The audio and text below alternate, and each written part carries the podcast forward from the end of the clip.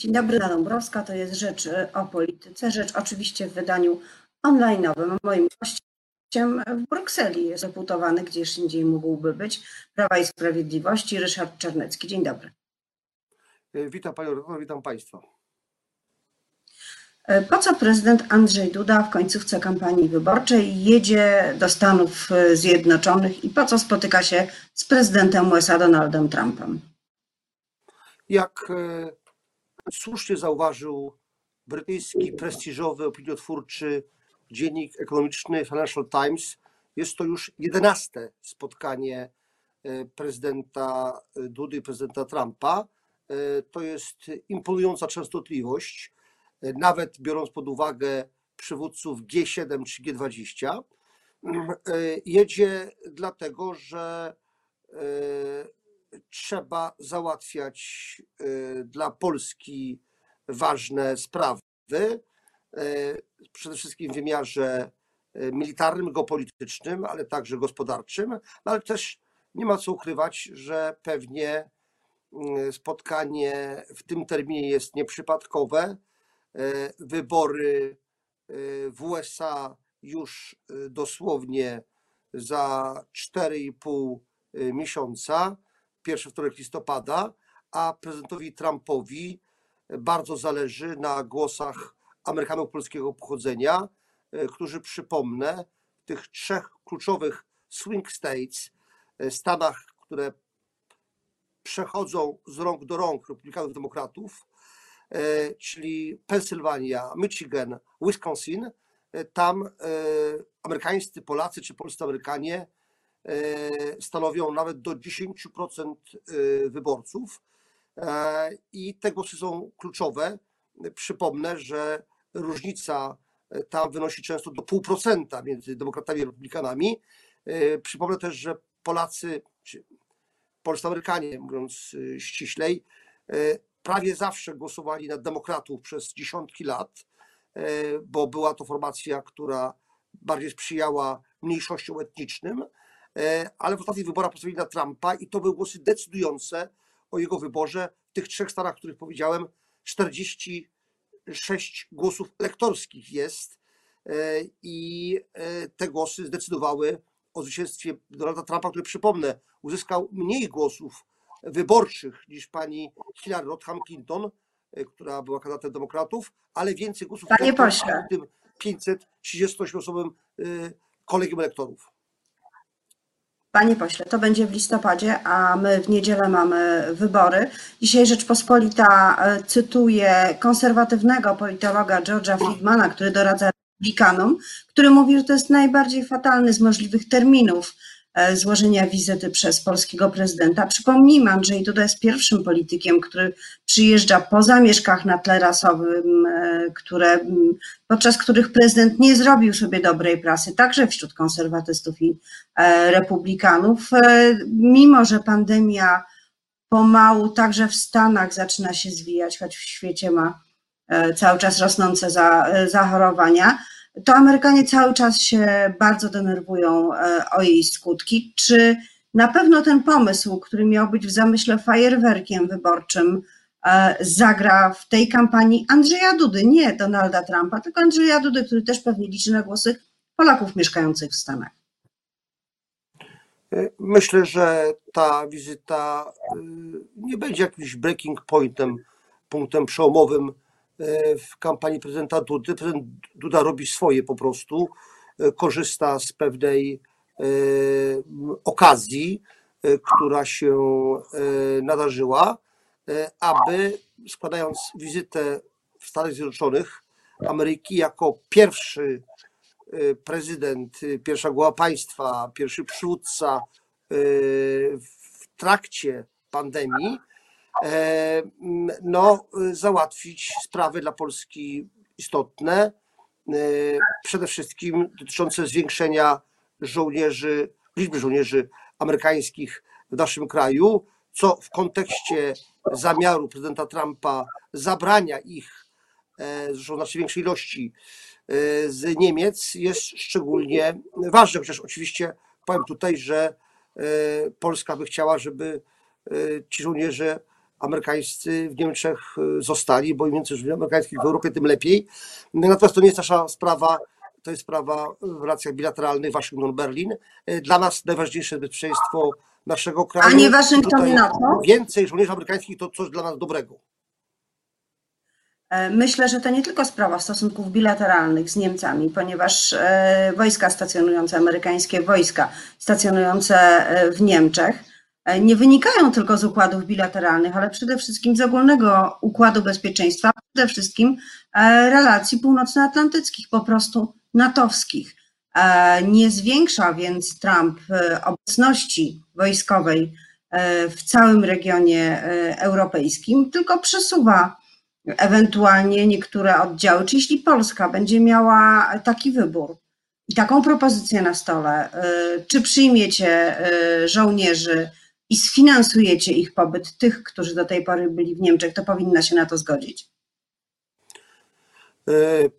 Polska przede wszystkim zabiega o to, żeby u nas było więcej żołnierzy amerykańskich, to oczywiście ze względu na wschód, na Rosję i jej e, politykę no, dość często imperialną. E, Pamiętamy o Gruzji w 2008 roku, pamiętamy o Ukrainie w 2014 roku, a pamiętamy o działaniach e, hakerskich w krajach bałtyckich i w Polsce. A natomiast y, co do kwestii żołnierzy amerykańskich w Niemczech, y, to przypomnę, że także w środowisku, to nie nasza sprawa, to jest sprawa wewnętrzna Amerykanów, decyzja w tej sprawie, ale w środowisku republikanów.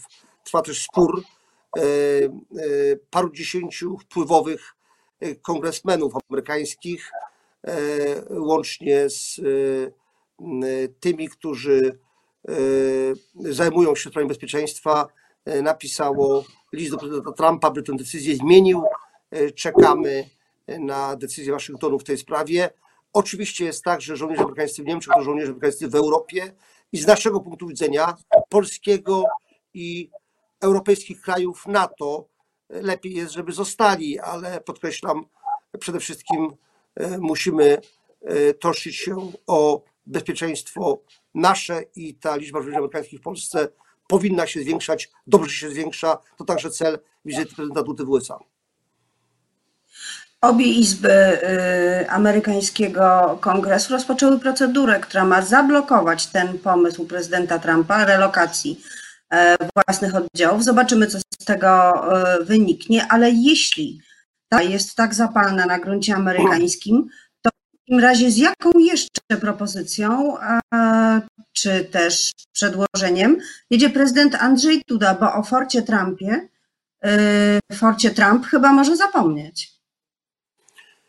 E, Bo prezydent. Co, co do agendy pana prezydenta, no to wiadomo, że poza sprawami, nazwijmy to militarno-geopolitycznymi, są też sprawy mm, gospodarcze, energetyczne, e, rozumianej energetyki.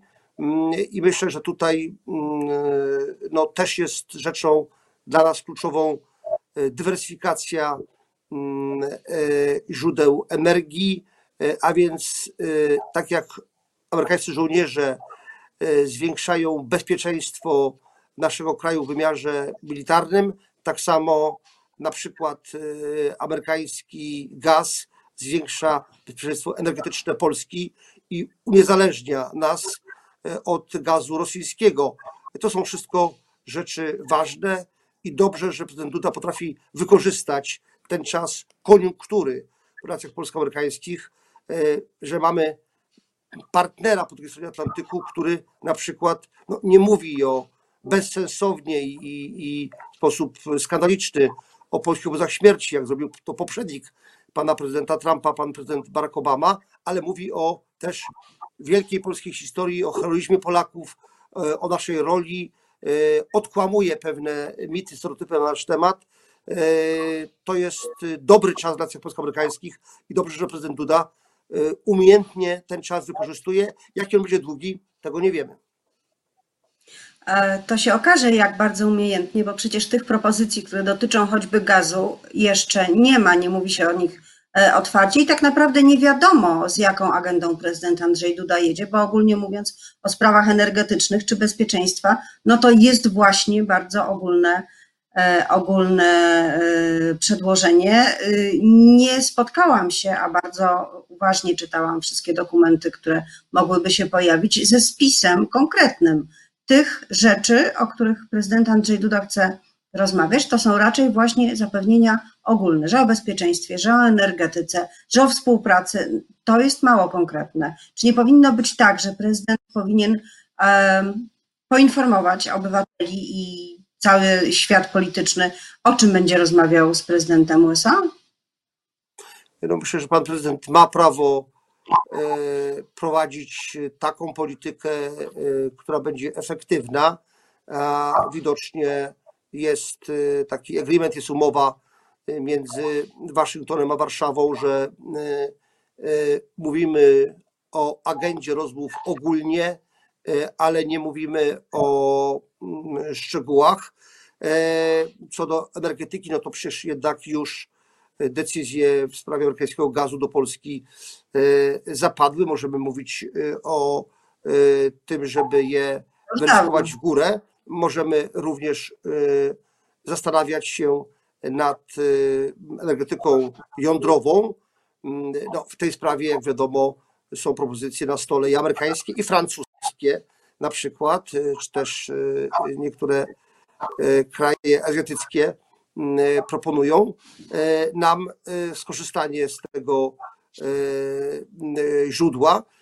Natomiast myślę, że mam przekonanie nawet, bo nie chcę mówić o, o, wszystkim, ale że ta wizyta prezydenta Dudy w Białym Domu będzie bardzo efektywna i bardzo e, konkretna. Efektowna. Nie przejmujemy się tym, co napisał brytyjski Guardian, e, dziennik, to mm, wiadomo, że na lewo od centrum, tak powiem oględnie, który napisał o wyborczym kontekście tej wizyty, ale w kontekście nie wyborów USA, o którym oczywiście ja mówiłem, tylko wyborów w Polsce.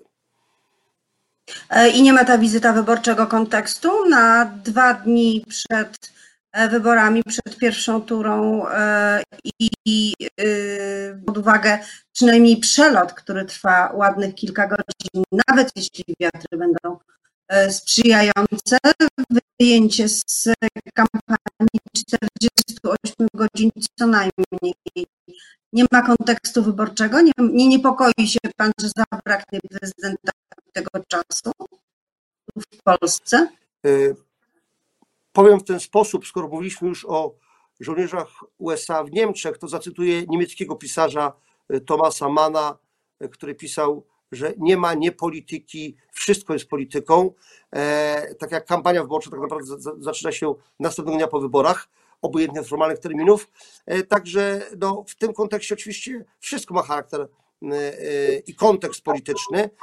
Natomiast to, że pan Duda skorzystał z zaproszenia prezydenta USA jako pierwszy przywódca w, no, w trakcie, ale już schodzącej w USA pandemii, no to pokazuje, że jest politykiem, który dość umiejętnie wykorzystuje takie możliwości, trochę jak taki surfer na fali, mm, to też trzeba umieć z tej e, fali skorzystać. Jak widać, pan prezydent i w obszarze tym militarno-geopolitycznym i energetycznym, generalnie współpracy polsko-amerykańskiej korzysta. Podkreślam, nie wiadomo jak ona będzie długa, chociaż może panią zaskoczę, e, uważam, że mm, nawet zwycięstwo demokratów w wyborach w listopadzie, a trzeba różne scenariusze przewidywać, zwycięstwo w USA, ono nie będzie y, oznaczało rewolucji w amerykańskiej polityce zagranicznej.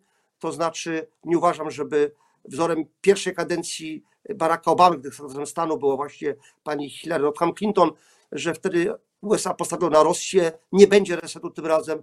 Uważam, że może paradoksalnie krytycy, ostrzy, ostrzy krytycy y, Trumpa, demokraci będą kontynuować jego y, politykę takiego pewnego sceptycyzmu wobec Federacji Rosyjskiej, wobec Putina. I za tę deklarację polityczności spotkania dwóch prezydentów startujących w wyborach bardzo dziękuję, jak i za całą rozmowę. Moim gościem był eurodeputowany PiS Ryszard Czarnecki. Dziękuję bardzo.